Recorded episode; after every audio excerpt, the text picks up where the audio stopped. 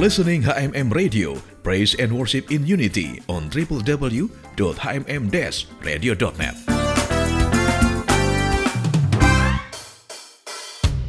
Sobat HMM, maraknya penyalahgunaan narkoba terutama oleh generasi muda saat ini sangat membahayakan keberlangsungan hidup bangsa ini di kemudian hari. HMM Radio sesaat lagi akan menghadirkan Bincang GMDM, sebuah program hasil kerjasama Radio HMM dengan Bakornas GMDM, Badan Koordinasi Nasional Gerakan Mencegah Daripada Mengobati. Selamat mengikuti.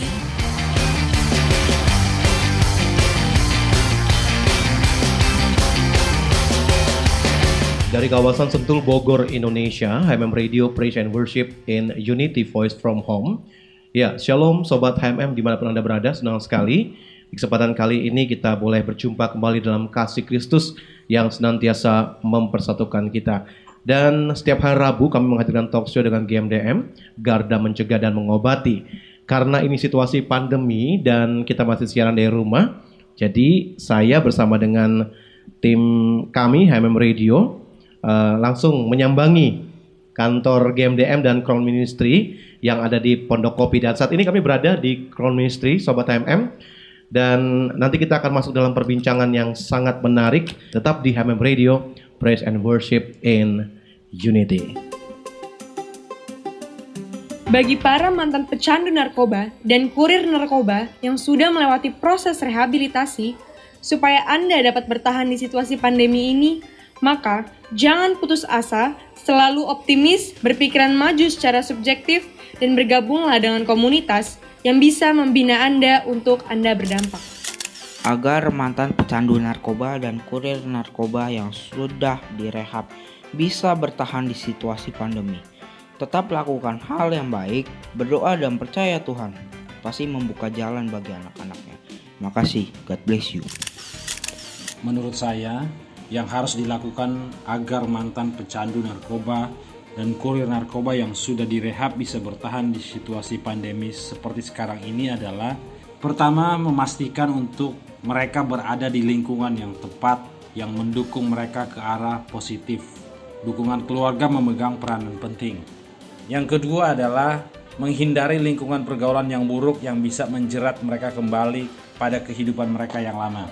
Ketiga, mereka dapat mengisi waktu dengan kegiatan yang positif, mengembangkan hobi dan talenta, berolahraga sesuai kesukaan, dan lain-lainnya. Dan yang keempat adalah mereka bisa mengisi jiwa dan rohani dengan hal-hal yang spiritual, beribadah dan berdoa. Narkoba dan bahaya penyalahgunaannya menjadi perhatian utama pemerintah dan masyarakat karena hal ini sangat mempengaruhi kualitas generasi muda sebagai penerus bangsa.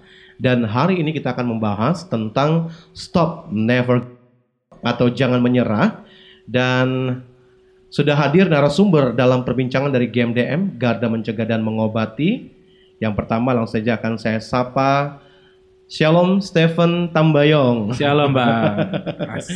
Iya, ini Stephen Tambayong ini salah satu juga anak dari ketua umum ya, Ya. GMDM dan bisa ceritakan sedikit Stephen, mungkin kan udah lama sekali nih. Biasanya Betul. pernah datang di HMM Radio, iya, udah lama tapi nih. udah lama tidak datang lagi. Bisa ceritakan sedikit eh, Stephen eh, apa kegiatannya kemudian juga tugasnya di GMDM itu sebagai apa? Eh, kalau selama ini kegiatan GMDM memang kita terus aktif ya dalam penyuluhan-penyuluhan, eh, mengedukasi anak-anak muda, mengedukasi masyarakat Indonesia. Eh, bahkan kita kan terus berkembang di setiap daerah dan kegiatannya betul-betul aktif banget ya. Kalau kita bisa lihat di media-media sosialnya GMDM, GMDM pusat maupun GMDM daerah, kegiatan kita lakukan di ya di masuk keadaan pandemik ini kita terus bergerak juga Terus bergerak ya. membagikan uh, makanan, bantuan-bantuan. Jadi kita tetap menja kita ingin selalu ini ya menjadi berkat Hmm. bagi banyak orang dengan apa pun apa yang kita bisa buat pasti kita lakukan Jadi, sebisa mungkin. jadi tetap gitu. aktif gitu ya Yes, Stephen ya. itu intinya harus Nah, tetap aktif. kalau di GMDM sendiri Stephen sebagai apa ini? Kalau aku ketua bidang penyuluhan. Penyuluhan Oh. itu uh, dalamnya itu kan ada uh, pembuatan materi, terus kita di situ misalkan kaderisasinya itu ada standarnya itu kebetulan aku yang nanganin bagian Oh, aku yang nanganin untuk eh, ya semua materi-materi yang dibuat gitu Wow, sih. luar biasa ya. Mhm. Nah, Sobat HMM, jadi ini sekarang kita langsung ngomong dengan ketua penyuluhnya nih. Kalau kemarin-kemarin kan kita langsung tim penyuluhnya. Iya, iya. Ini sudah ada Steven Tambayong. Kemudian Steven nggak sendiri ya. Ada eh, Bung Ibob dari Crown Ministry. Kalau ini suaranya udah nggak apa nggak asing lagi. Ya, ya terima kasih buat eh, Om Obed dan juga eh, Mas Shalom. Terima kasih juga Bro Stephen yang sudah join sama kita ya. Jadi langsung ketua penyuluhnya join. Nah, jadi eh, terima kasih. Apa kabar teman-teman sahabat HMM Radio di mana pun berada? Semangat terus di masa pandemi Pastinya. ini. Seperti Pak Obed selalu semangat. Oke, silakan Pak Obed. Iya, terima kasih untuk perkenalan Bung eh, Ibob dan juga eh, Steven ya. Nah, Sobat HMM saya ingin sedikit eh, refresh eh, Anda semuanya yang dengarkan saat ini. Anda perlu ketahui bahwa eh, Bakornas GMDM ini dibentuk pada bulan Mei 2008. Jadi sudah 12 tahun GMDM ini sudah berada dan eh, mereka terus bergerak untuk melawan narkoba dan disahkan oleh notaris itu pada tanggal 2 Juli 2008. Nah, seiring perkembangannya eh, GMDM pun eh, berubah nama tepatnya tanggal 23 Juni 2016 yang tadinya eh, gerakan mencegah daripada mengobati menjadi gerakan eh, Garda mencegah dan mengobati. Itu tanggal 23 Juni 2016. Itu surat keputusan Menteri Hukum dan Hak Asasi Manusia. Nah, sekarang kita masuk dalam pertanyaannya nih. Ada beberapa hal yang ingin saya tanyakan. Ini ke Steven dulu ya. Iya. Nah, ini kan situasi pandemi. Hmm. Kira-kira kesulitan apa yang dihadapi GMDM sebagai badan ataupun wadah rehab? Betul. Jadinya kalau yang pasti dihadapi mungkin bukan hanya GMDM ya, pasti semua organisasi maupun semua di lapisan masyarakat merasakan kita tidak bisa bergerak bebas. eh, banyaknya apa larangan-larangan yang yang untuk iya menjaga kita biar tidak terkena virus corona ini. Jadinya memang pasti ada hambatan. Hambatannya kita tidak bergerak seperti biasa, tidak bisa seaktif dulu tapi kita tetap melakukan kegiatan kegiatan yang positif bisa melalui media sosial misalkan Zoom meeting atau enggak Google Meet atau dan lain-lain sih. Kita banyak tetap lakukan lah di Instagram kita tetap penyuluhan kita tetap share foto-foto kita tetap mengedukasi. Karena memang kita terus bergerak karena kita lihat data bang. Kita lihat data makin hari kita pikir kan corona ini kan menyebabkan ekonomi turun otomatis orang-orang Give up? kita pikiran kita ya nggak akan pakai lagi karena duit habis. Tapi datanya malah makin banyak, Oh, justru makin meningkat. makin makin meningkat penjualan maupun pemakainya. Jadi kan ini kan sangat menakutkan karena itu kita terus bergerak. Kayaknya nggak sinkron ya, kesulitan ekonomi. Nah, tetapi aneh ya, aneh aneh. Tapi emang benar kita pelajari rupanya di corona ini, di pandemik ini, hobi itu nggak turun. Hmm, Semua jadi yang pakai narkoba itu termasuk hobi dong ya. Nah, berarti sudah termasuk hobi karena hobi itu nggak turun rupanya. Yang bisnis yang bergerak di bidang hobi itu malah nggak turun. Nah, narkoba ini berarti hobi nih banyak kebanyakan orang di luar sana Jadi jadi justru situasi seperti ini GMDM terus terus bergerak. sibuk dan bergerak ya. Nah, untuk menghadapi kesulitan eh, di eh, masa pandemi ini, apa strateginya dari GMDM? Strateginya kita pertama harus mau mau mengikuti zaman sekarang. Misalkan dulu kan kita sangat keras efek maunya penyuluhan tuh secara tatap muka. Kita maunya langsung karena bagi kita itu sangat efektif. Tapi akhirnya sekarang dengan keadaan kayak begini ya mau nggak mau kita terjun ke media sosial lebih aktif lagi. Mungkin itu sih yang kita lebih utamakan, kita lebih siapin waktu di rumah untuk istilah 24 jam ada yang nanya di media sosial, ada saya aja tadi malam habis nanggepin eh, ke teman saya laporan omnya pemakai di rumah malah makin parah. Jadi pas pandemik ini baru ketahuan omnya Kebongkar pas pandemik gitu pas ya. pandemik ini kan di rumah terus sifatnya itu pas dilihat rupanya ada narkoba. Jadi sangat banyak yang malah kita malah waduh kita harus rupanya selama ini ini yang harus kita lakukan di media sosial Iya, iya. karena rupanya orang kan lebih banyak pegang handphone saat-saat ini di rumah. Iya. Nah, jadinya kita harus masuk ke dalam situ sih. Jadi memang GMDM khususnya tim penyuluh ya, Tim penyuluh. Stephen dan teman-teman tidak berhenti begitu saja pada saat Betul. pandemi mungkin Hmm. sekarang kan memang kegiatan eh, tatap mukanya Tatap jarang, muka jarang. tapi media sosialnya Media terus sosial bergerak. Malah meningkat di situ gitu. mana meningkat ya. Wow, luar biasa. Nah, sekarang saya coba ke Bung Ibob. Untuk dari sisi Crown Ministry ini, apakah tetap ada kegiatan gitu pelatihan, Iya. pembinaan untuk mereka yang sedang direhab? Ya puji Tuhan bahwa memang seperti yang Bro Stephen katakan, kita di tim Crown juga membackup hal seperti ini. Artinya ketika dibutuhkan, contoh untuk kunjungan atau backup uh, family support kepada mereka mantan-mantan pemakai yang perlu pendampingan, kita terus lakukan. Seperti tadi doa pagi, Rebo dan Jumat kita tetap ada doa di sebelum masa PSBB total. Kita terus doa rutin jam 9 sampai jam 10 bersama tim GMDM seluruhnya bahkan ada juga residen atau klien ikut doa ya bro ya karena mereka membutuhkan komunitas yang sehat. Jadi mereka bersama-sama kita Pak di doa pagi itu Pak. Nah, jadi Bapak juga bisa lihat di ruangan itu eh di ruangan ini ada hasil rapat itu Jumat kemarin 25 September. Ya, kebetulan lagi di ruang Crown Ministry Crown ya. Ministry. Jadi Ada ini- poin-poinnya. Ah, ada poin-poinnya ini kita rapat. Jadi memang terus ada pergerakan, terus ada persiapan. Tadi bahkan tadi sebelum sesi ini pun kita tadi kita sempat ngobrol sama Bruce Stephen, kita pengen adakan penyuluhan di sekolah-sekolah, kampus-kampus lewat Zoom malah. Betul. Nah, jadi memang kita terus bergerak karena ternyata Stephen update tadi ternyata banyak di masa pandemi ini malah make. Betul ya, Bro Stephen ya. Nah, Malah ini meningkat. Iya, makanya tema kita malam ini never stop, never give up tuh buat teman-teman yang mantan pemakai atau pecandu, jangan berhenti atau jangan menyerah untuk eh, lepas dari narkoba. Kayak gitu maksudnya. Dan termasuk juga teman-teman yang yang yang maaf mungkin pengedar atau bandar ataupun juga kurir gitu kan yang yang disebut itu juga di masa pandemi ini mungkin kena dampak ekonomi kesulitan ekonomi juga jangan nyerah. Untuk tanda kutip sudah bertobat atau berubah untuk tidak melakukan kembali. Itu Pak Obed itu. Jadi kita terus bergerak berdoa sama-sama terus cari solusi terus cari cara bagaimana kita bisa menyampaikan penyuluhan-penyuluhan itu ataupun pendampingan pendampingan Jadi memang GMDM, Crown Ministry tidak berhenti stuck begitu saja ya saat pandemi di mana memang harus ada aturan-aturan yang kita harus Ikuti, ikuti. betul, Apalagi Pak. PSBB kita mungkin harus diam di rumah, tapi Crown Ministry tadi tetap ada kegiatan ya. betul Nah, apakah tetap juga menerapkan yang namanya protokol kesehatan itu? Ah, Pak Obed sendiri bisa lihat hari ini depan apa langsung dengan Pak Obed pas saya pak kami pakai masker medis bahkan juga pakai penyangga masker Iya. sehingga ah, di depan sini juga ada hand sanitizer maupun juga tisu basah Betul. bahkan ketika kalau Pak Obed masuk ke ruangan ini ruangan ini di depan tuh ada hand sanitizer bahkan di tadi di ruangan ah, kantor koperasi atau GT Lopem dari GMDM punya itu lengkap dengan hand sanitizer jadi memang Bahkan kita sepakati setiap orang yang datang ke ruangan ini ataupun juga doa pagi itu ada termogan yang dipakai. Kalau dia masuk di atas 37 kita sepakati tidak boleh naik doa.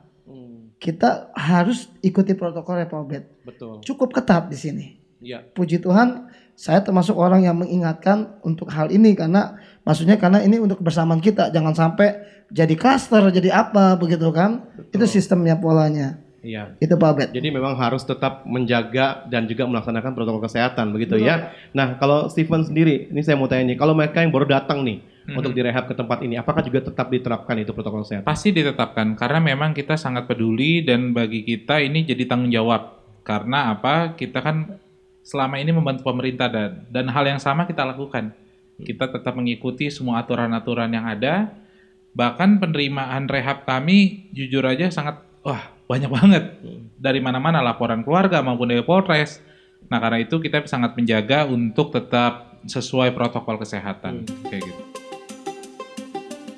Dampak negatif bagi pengguna narkoba terhadap anak-anak atau generasi muda adalah perubahan sikapnya, kepribadiannya, sering membolos, menurunnya kedisiplinan dan nilai-nilai pelajaran, dan menjadi mudah tersinggung, sering mengantuk, malas, dan tidak mempedulikan kesehatan diri sendiri. Eh, menurut aku narkoba itu bahayanya bisa misahin kita dari keluarga kita sendiri. Kita jadi nggak ingat keluarga, kita nggak jadi kita nggak jadi nggak ingat orang tua atau bahkan saudara-saudara kita. Dan itu juga merugikan hidup kita. Gitu. Penyalahgunaan narkotika atau narkoba memiliki dampak negatif yang sangat besar terhadap individu. Bahkan orang yang tidak memakai pun bisa mengalami kerugian, sepertinya seperti keluarga ataupun teman terdekat. Karena eh, tentu saat seseorang kecanduan narkoba, semua akan dilakukan demi dia mendapatkan barang tersebut. Akhirnya eh, narkoba bisa merusak dan merugikan Narkoba sangat berbahaya dan hal itu bisa berdampak pada keluarga dan lingkungan si pemakai. Bahkan jika dibiarkan berkembang, dapat merusak satu bangsa. Baik, Sobat HMM, terima kasih untuk Anda yang tersetia bersama kami dan kita masih membahas mengenai eh, topik kita Stop Never Give Up atau Jangan Menyerah. Kalau nggak salah ini Stop Never Give Up, Give Up ini tagline dari game DM juga ya, Iya, Steven ya? Never stop and never give up ini Iya. menjadi satu pedoman bagi kita untuk menyemangati diri kita juga dan pasti menyemangati anak-anak yang telah menyelesaikan program rehab. Artinya kita tidak akan berhenti dan kita tidak akan menyerah karena tantangan itu akan selalu ada. Untuk mantan pengguna apalagi pasti ini menjadi satu tantangan ketika pandemik ini ketika mereka di rumah terus tidak ada kegiatan positif otomatis kan Betul. nggak bisa olahraga, nggak bisa having fun, jalan-jalan, nggak bisa nongkrong-nongkrong dalam kategori yang sehat. Akhirnya kan pasti anak-anak yang narkoba itu punya halusinasi lagi, mulai berpikir lagi, istilahnya dia mulai ada pikir, ah, make lah, make. Nah ini, karena itu tagline ini sangat jadi harus maki terus diingatkan terus diingatkan never stop, never give up gitu ya. yes never stop and never give up Never stop and never give nah up. itu Oh. jadi pedoman kita sih Iya ya. Nah munculnya kata-kata itu sebenarnya dari mana sih? Sebenarnya itu eh, dari kalau aku panggil papa, ketua umum GMDM, itu sebenarnya motiv itu selalu memotivasi papa untuk terus bergerak. Meskipun tantangan dari pertama kali GMDM eh, kita membuat GMDM dari menciptakan nama GMDM, tantangan demi tantangan sampai di tahun saat ini begitu banyak tantangan-tantangan. Karena itu kita menjadi ini satu pedoman, satu kekuatan energi kita never stop and never give up ini bagi aku sih ini jadi kayak gimana ya kekuatan ekstra terus ketika kita ucapkan ketika habis rapat, sebelum rapat. Kita kan setiap hari di kantor tuh biasanya ada rapat pagi, malamnya, sorenya itu ada rapat lagi. Dan itu selalu digaungkan never stop and never give up dan itu menjadi kekuatan ekstra terus sih. Iya, karena itu masuk dalam hati, pikiran, dan kita tahu bahwa perkataan itu kan juga ada Iya. Betul, kuasa ya. ada kuasa. never stop, never Never give give up. Jangan berhenti, jangan, Jangan menyerah. Justru itu yang menjadi kekuatan GMDM Betul. sendiri ya. Hmm. Nah, untuk eh, para peserta rehab sendiri, saat ini kan lagi lagi masalah pandemi. Mhm, Nah, mhm. kira-kira ada nggak sih keluhan-keluhan yang mereka juga sampaikan gitu? Pasti keluhan-keluhan pasti bicara soal perekonomian. Perekonomian itu sekarang lagi kuat banget apa yang mereka keluhkan. Bang, gimana bang? Ini jujur, gua nggak make, boro-boro make bang, gua nggak ada duit buat makan. Banyak banget kita di media sosial kita nanggepin yang seperti itu. Dan kita selalu kasih kekuatan. Dan kita bukan hanya kasih kekuatan, kalau sebisa mungkin kita kasih bantuan, meskipun tidak bisa menjawab semua kebutuhan mereka, tapi kita mencoba. Kedua, kita selalu memberi misalkan eh, kita doakan, kita ajak ngobrol, kita kasih eh, kekuatan secara apa kita kasih hal-hal positif dan ketiga, kita kasih link Hmm. tentang misalkan kita tuh punya hak mendapatkan misalkan bantuan-bantuan dari pemerintah, kita kasih linknya, orang-orang yang bisa ikut membantu. Jadi kita bukan hanya memberi motivasi, tapi kita memberikan maksud apa yang mereka butuhkan. Betul. Itu sih. Jadi kalau banyak mau orang motivasi bisa, tapi nggak coba buka pintunya untuk Iya. mereka. Nah itu kita berusaha memberikan pintu-pintu untuk mereka. Waduh, kalau dengar Steven jelaskan ini kayak papa ya. Waduh, jadi memang benar sekali ya yang Steven bilang tadi, ha- jangan hanya kata-kata motivasi, tapi juga harus kasih tahu nih. Ini loh, lu harus ke sini, Iya, harus ke sini. kita kasih Biar pintunya. pintunya mereka masuk ke situ, Uh-uh. mereka tahu. Kadang gitu mereka ya. kadang-kadang mereka belum tahu, padahal sebenarnya ada. Semuanya itu dapat. Semuanya pasti pemerintah pasti bergerak lah untuk semua masyarakat. Nah, karena tapi banyak aja nggak tahu gitu. Iya. Jadi untuk itulah Hmm. game DM hadir untuk memberitahu Yes, mereka yang tidak tahu begitu ya Betul, ya. betul. Nah, kalau Bung Ibob sendiri, teman-teman yang di lagi direhab terus dibina oleh Crown Ministry, kemudian mereka juga yang sudah selesai direhab gimana nih? Ada keluhan-keluhan nggak yang dihadapi juga? Iya, eh, puji Tuhannya kita untuk Crown Ministry ini memang konsentrasi kita fokus kepada teman-teman yang tanda kutip seiman mereka karena ini kita memang ada di sini Crown untuk pendampingan mereka yang sisi, sisi rohani. Bagaimana mereka dikuatkan, diteguhkan. Nah, tadi seperti kita sampaikan setiap pagi khususnya eh, Rebo Jumat itu mereka ketemu kita mereka ikut doa pagi bersama. Tapi di lain waktu itu Senin, Selasa atau Kamis pun mereka juga ikut doa dengan tim GMDM. Karena Kron cuma seminggu cuma dua kali doa bersamanya di sini kami hadir. Nah jadi pertama mereka ikut doa, yang kedua kita ada waktu untuk sharing fellowship after doa itu. Nah itu kita ambil pak untuk sharing doa, kita lihat maksudnya contoh ada seseorang namanya Yesaya atau Yeskiel, nama namanya memang nama Alkitab gitu pak. Stephen ketawa itu. Saya juga ngomongnya nggak enak gitu kan. Ada apa? Petrus ya macam-macam ya. Ah, murid-murid Yesus katanya. Nah, jadi memang bukannya lucu ya. Jadi eh, ya jadi campur aduk ya. Jadi karena mereka kadang-kadang masih muda Pak Obed, remaja, ABG. Ngeri Pak, artinya sedih, ngeri, miris, campur aduk. Nah ini kalau kita ketemu mereka, ya kita coba rangkul, kita coba kasih support, motivasi. Mereka lihat saya ya, mereka tahu saya pendeta, mereka tahu saya hamba Tuhan, mereka sungkan juga. Tapi karena kita masuk di Crown ini, kita coba belajar bergaul gitu kan. Kayak Stephen lihat hari ini saya pakai celana pendek gitu kan. Ah, jadi Gak ada yang lihat. Ah, dari pihak ah, dari HMM nggak ngeliat itu kan disiarin nanti. Tapi memang kita akhirnya masuk sampai segitu pak. Ah, kendala-kendalanya mungkin memang karena kan mereka proses di sini di isolasi ya namanya kan di rehab ini. Mereka ada juga mungkin kadang-kadang awal-awalnya mungkin ah, berontak, adaptasi. Itu yang juga terjadi yang kita lihat. Iya. Tapi puji Tuhan eh, dengan teman-teman dari rehab itu cukup sabar pak. Kayak Mas Bang Bang gitu ya kan, Kang Asep, semua tuh cukup sabar. Ya kan udah ngisi di HMM juga semua mereka. Jadi kendalanya sih ada cuman awal-awal aja pak. Nah itu. Awal karena memang Eh, adaptasi. Iya adaptasinya ya. Betul. Dan mereka juga belum tahu kan. Betul. Tapi karena GMDM teman-teman Crown Ministry juga menganggap mereka family gitu ya. Betul, Jadi dasarnya tidak- family. Kita pakai family di rehab itu kita sebut family kan. Mm-mm. Seperti itu pak. Jadi itu yang membuat mereka nyaman gitu ya. Iya. Eh, saya tambahin gini, saya ingat banget bahwa tadi ternyata ketika mereka datang, saya dengar dari Kang Asep atau Mas Bang Bang itu, kok biasanya mereka make.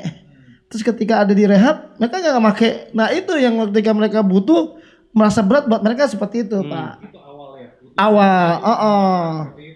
Jadi kalau mereka sampai ngancem, ada gue bunuh diri aja atau apa kata kata teman-teman kita ya sudah pilih kemarin kan disuruh pilih, tapi ternyata Agak tegas dikit memang. Ah. itu kita kita juga sampaikan kan tapi itulah uh, ta- ya. uh, tapi itu tanda kutip itu tantangan-tantangan yang kita hadapi kita bersyukur bahwa GMDM ini melakukan mereka uh, melayani mereka benar-benar manusia seutuhnya. Betul. dilayani mereka tuh manusia seutuhnya mereka harus kalau kita bahkan GMDM katakan tuh mereka korban kan? Mereka korban. Kita harus layani. Makanya kita setuju bukan hukuman mati tapi memang adalah rehabilitasi. Betul ya bro ya? Iya. nah ini penting pak. Jadi kami Crown Ministry ini ada tim pendampingan. Betul. secara sisi rohani buat mereka buat pribadi-pribadi bahkan keluarga-keluarga itu karena keluarga adalah benteng utama pertahanan Iya. kalau keluarganya nggak kuat, nggak mengerti, nggak bisa menerima, repot. Mereka balik jatuh lagi karena merasa sendirian. Iya. Itu pak. Ini luar biasa sekali ya, Bung Ibob penjelasannya sangat semangat nih sampai saya terpukau. Ya. saya harap juga pendengar HMM juga terpukau gitu ya. Saya terimpatasi dengan ketua penyuluhan soalnya. ya sekarang saya coba ke Steven. Nah ini kan biasanya kan saat mereka datang ke rehab ini mereka nggak punya pengharapan. Betul, betul. Tapi saat mereka direhab di tempat ini, mereka punya suatu keyakinan hidup bahwa wah gue punya masa depan. Betul. Gitu kan. Nah saat mereka keluar keyakinan itulah yang ada dalam hati dan pikiran mereka. Kemudian mereka mulai bangkit, ya kan? Tapi saat ini pandemi nih, baru mau usaha, baru mau naik-naiknya, tiba-tiba pandemi jatuh lagi. Nah gimana nih caranya untuk memotivasi mereka kembali supaya jangan sampai nggak ada kegiatan nih mereka di luar kan pastinya kan mantan pecandu, mantan eh, kurir tadi nggak ada kegiatan nih. Biasanya kan mungkin di rumah diam-diam tadi Iya, sempat dibilangnya stres, ada halu lagi, halusinasi dan lain sebagainya. Nah gimana nih eh, Steven nih dari tim GMDM? Apa Kalau- yang dilakukan gitu loh? Nah, itu kan yang tadi aku singgung. Kalau kita hanya memotivasi, itu bagus. Tapi menurut aku belum cukup. Kita harus memberikan misalnya program-program pelatihan. Misalkan ya sekarang kan eh, kemarin aku dapat list tentang bisnis yang hancur sama bisnis yang berkembang di keadaan pandemik. Nah, itu kita memberikan mereka misalkan ya sebenarnya kita memberikan edukasi-edukasi tentang pendidikan bisnis online dan lain-lain ya jadinya bukan hanya motivasi untuk kamu semangat, kamu bisa, kamu harus lepas kayak gitu. Bukan hanya itu. Kita kita lakukan itu tapi kita melakukan yang lain juga. Kita melakukan yang lain memotivasi mereka dan memberi edukasi tentang untuk mau belajar bisnis, belajar bela- bergerak. Jadinya ya itu sih, itu yang kita lakukan. Karena jujur aja bukan hanya mereka ngalamin tapi banyak sektor apalagi mereka karena kita tahu fakta lapangan kalau orang udah dengar mantan pecandu atau jangki, wah itu di kantor, di dunia kerja itu sangat susah. Karena ada Susah. stigma ya. Stigma yang terbangun itu sangat kental di masyarakat Indonesia karena ya karena pasti ya pengalaman demi pengalaman. Kalau dengar mantan pengguna nanti ada barang-barang yang hilang. betul. Ngeri kantornya ketangke, a- ada penangkapan di kantornya otomatis kan Malu kita. malu. Nah, itunya itu jadi tambah lagi pandemik, udahlah makin-makin. Nah, karena itu kita memberi motivasi juga dan kita memberi edukasi tentang dan kita memberi kita memberikan ini ya, masa peluang-peluang yang kita tahu, yang kita dengar dari pemerintah ataupun dari orang-orang yang punya apa hati untuk memberkati, kita selalu salurkan ke mereka. Ini ada kerjaan kayak gini, kita lagi butuh ini, bisa gak ngerjain? Kita selalu kayak gitu sih. Kita coba menolong mereka. Iya, iya. Karena kalau kita cuma motivasi ya mentok sampai situ. Betul. Nah itu jadi bukan memberikan solusi ya, Ah. justru malah akhirnya mereka nggak ketemu jalan keluarnya Nggak ya. ketemu kalau motivasi doang ya cukup sampai kata-kata doang kan. Tapi kita bukan pengennya bukan hanya kata-kata doang. Nah ini yang penting ya. Betul. Jadi bukan sampai kata-kata saja, tapi harus ada tindakan, Tindakan, itu dari kata-kata itu, Hmm. begitu ya. Nah, eh, tadi saya juga sempat dengar bahwa bahkan ada yang apa tadi sempat memberikan bantuan ya, Mhm, Steven ya, walaupun hanya sedikit, paling tidak itu membuat mereka bisa bertahan, Bertahan gitu ya. untuk survive di keadaan Berarti sejauh ini masih ada kontak dong ya dengan mereka yang mantan-mantan banyak, bang, banyak banyak. Dari usia yang maksudnya di atas berapa 40 yang yang udah umur-umur bapak-bapak sampai yang masih teens istilahnya masih 15 16 tahun. Ya ampun, yang muda masih sekolah ya masih sekolah pun ada. Mereka sangat sering banget ya di chat melalui saya pribadi atau melalui media sosial GMDM sering curhat tanya. Misalkan kak ini aku ditawarin atau kak aku bosen nih di rumah. Tetangga aku ada yang kayak gini. Ah banyak lah curhatan-curhatan mereka. Seru sih anak-anak muda ya. Karena mereka kan polos. Mereka polos jadi ketika curhat ya benar-benar kayak curhat kakak adik. Nah itu benar-benar yang aku lihat oh iya benar juga ya. Maksudnya mereka nggak mudah untuk menghadapi pandemik ini. Orang tuanya kesusahan. Bukan kita nggak usah lah bicara yang udah dewasa. Kita bicara yang remaja. Remaja ini kan mereka kan lihat orang tuanya berantem orang tuanya karena kesulitan keuangan di pandemik ini jadi berefek besar sih Hmm. Jadi- Jadi, memang ya itulah sesungguhnya kenyataan Mhm, yang kenyataan. terjadi ya. Mereka mau bangkit lagi tapi adanya situasi ini pandemi akhirnya ya agak sedikit goyang. Betul. Tapi puji Tuhannya GMDM nggak putus begitu saja ya. Betul, bukan Crown putus. Ministry juga nggak putus begitu saja ya. Selalu ada komunikasi yang terbangun. Jadi akhirnya seperti tadi Stephen sempat sebut mereka masih tetap chat ya. Chat. Tanya begini, gimana solusinya dan lain Itu sebagainya. konsep yang kita bangun sih bang. Ketika Hmm. mereka mau ketika mereka mau chat berarti kan mereka nyaman. Hmm. Karena di rumah rehab eh, GMDM ini kita bukan hanya semacam rumah rehab biasa, tapi kita membangun kekeluargaan. Jadi mereka sampai mereka udah selesai program mereka rasa GMDM itu rumah bagi mereka. Kayak begitu sih. Nah, Bagi kita itu. keberhasilannya itu. Jadi ter, ter- apa maksudnya eh, ter apa ya di hati mereka pikiran mereka terekam banget Ah, gitu ya. GMDM itu rumah bagi rumah mereka. bagi mereka karena dianggap sebagai keluarga di Betul, sini. betul. Bagi para mantan pecandu narkoba dan kurir narkoba yang sudah melewati proses rehabilitasi, supaya Anda dapat bertahan di situasi pandemi ini, maka jangan putus asa, selalu optimis, berpikiran maju secara subjektif, dan bergabunglah dengan komunitas yang bisa membina Anda untuk Anda berdampak. Agar mantan pecandu narkoba dan kurir narkoba yang sudah direhab bisa bertahan di situasi pandemi. Tetap lakukan hal yang baik, berdoa dan percaya Tuhan pasti membuka jalan bagi anak-anaknya. Makasih, God bless you.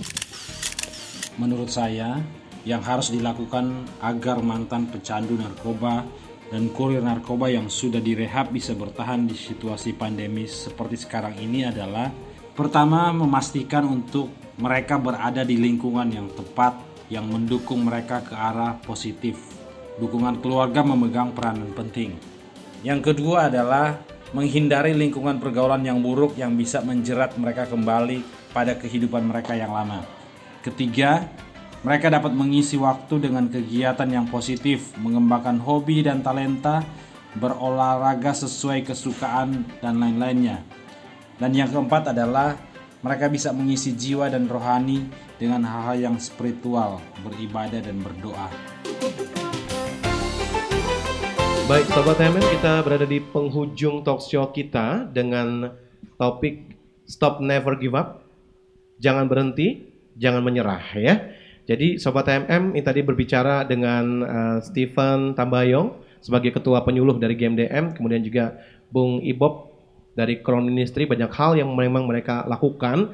Bahkan dalam situasi pandemi ini pun mereka juga tidak berhenti. Tetap ada komunikasi yang dijalin dengan mereka yang sudah uh, selesai rehab di GMDM bahkan terus terjalin hubungan yang baik itu karena di GMDM para mantan rehab ini mantan narkoba, mantan kurir narkoba mereka itu dianggap sebagai keluarga saat mereka melakukan rehab di tempat ini. Benar ya Steven ya? Benar ya Bung Ibob ya? Jadi memang uh, orang-orang ini dimanusiakan karena memang mereka manusia, begitu ya.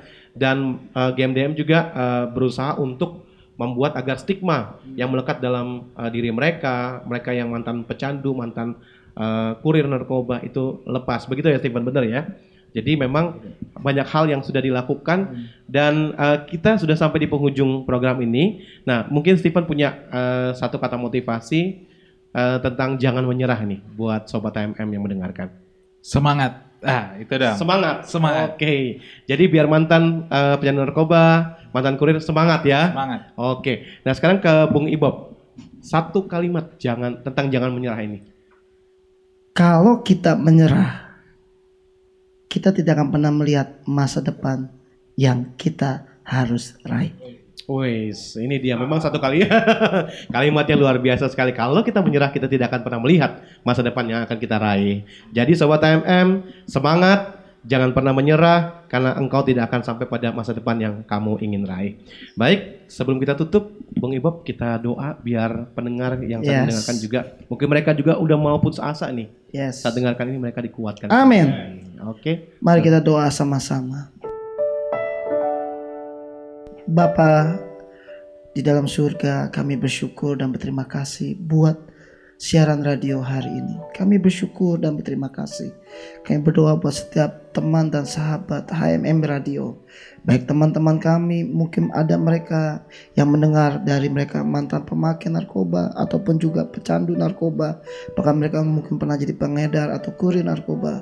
Tuhan jamah dan Tuhan lawat mereka. Tuhan tolong mereka di dalam nama Tuhan Yesus. Biar mereka never give up mereka betul-betul kuat di dalam Tuhan dan dikuatkan dan diubahkan. Mereka menjadi manusia baru seutuhnya karena mereka berharga dan mulia di mata Tuhan dan Tuhan mengasihi mereka dan Tuhan menerima mereka iya. dengan kasihnya yang abadi, kasihnya yang besar, kasihnya yang luar biasa. Berkati jamah kami semua. Terima kasih buat siaran ini. Di mana pun mereka berada, Tuhan jamah, Tuhan lawat. Berkati hambamu Pak Obed, bahkan juga teman-teman khususnya Bro Stephen sebagai ketua penyuluhan dari GMDM bahkan juga rekan-rekan di balik ini semua. Sekali khusus Pak Salom berkati di dalam nama Tuhan Yesus. Bagi segala pujian hormat dan kemuliaan. Biar Tuhan yang semakin besar kami semakin kecil. Haleluya. Amin. Amin. Terima kasih Stephen Tambayong. Ketua Penyuluh GMDM. Ya, Terima kasih buat waktunya ya. Kemudian juga buat Bung Ibob dari Crown Ministry. Terima yes, kasih buat siap. waktunya. Sobat HMM, Anda telah mengikuti perbincangan dengan GMDM, Garda Mencegah dan Mengobati dengan topik Stop Never Give Up, Jangan Menyerah dengan Stephen Tambayong dan Bung Ibob dari siap. GMDM dan Crown Ministry. Nah, nantikan perbincangan kami selanjutnya bersama GMDM dengan topik menarik seputar penyalahgunaan dan pemberantasan terhadap narkoba untuk menciptakan Indonesia bersinar bersih dari narkoba. Hanya di www.hmm-radio.net. HMM Radio Praise and Worship in Unity Voice from Home. Sobat HMM, Anda baru saja mengikuti Bincang GMDM, sebuah program hasil kerjasama Radio HMM dengan Bakornas GMDM, Badan Koordinasi Nasional Gerakan Mencegah Daripada Mengobati. Terima kasih atas kebersamaan Anda Sampai jumpa.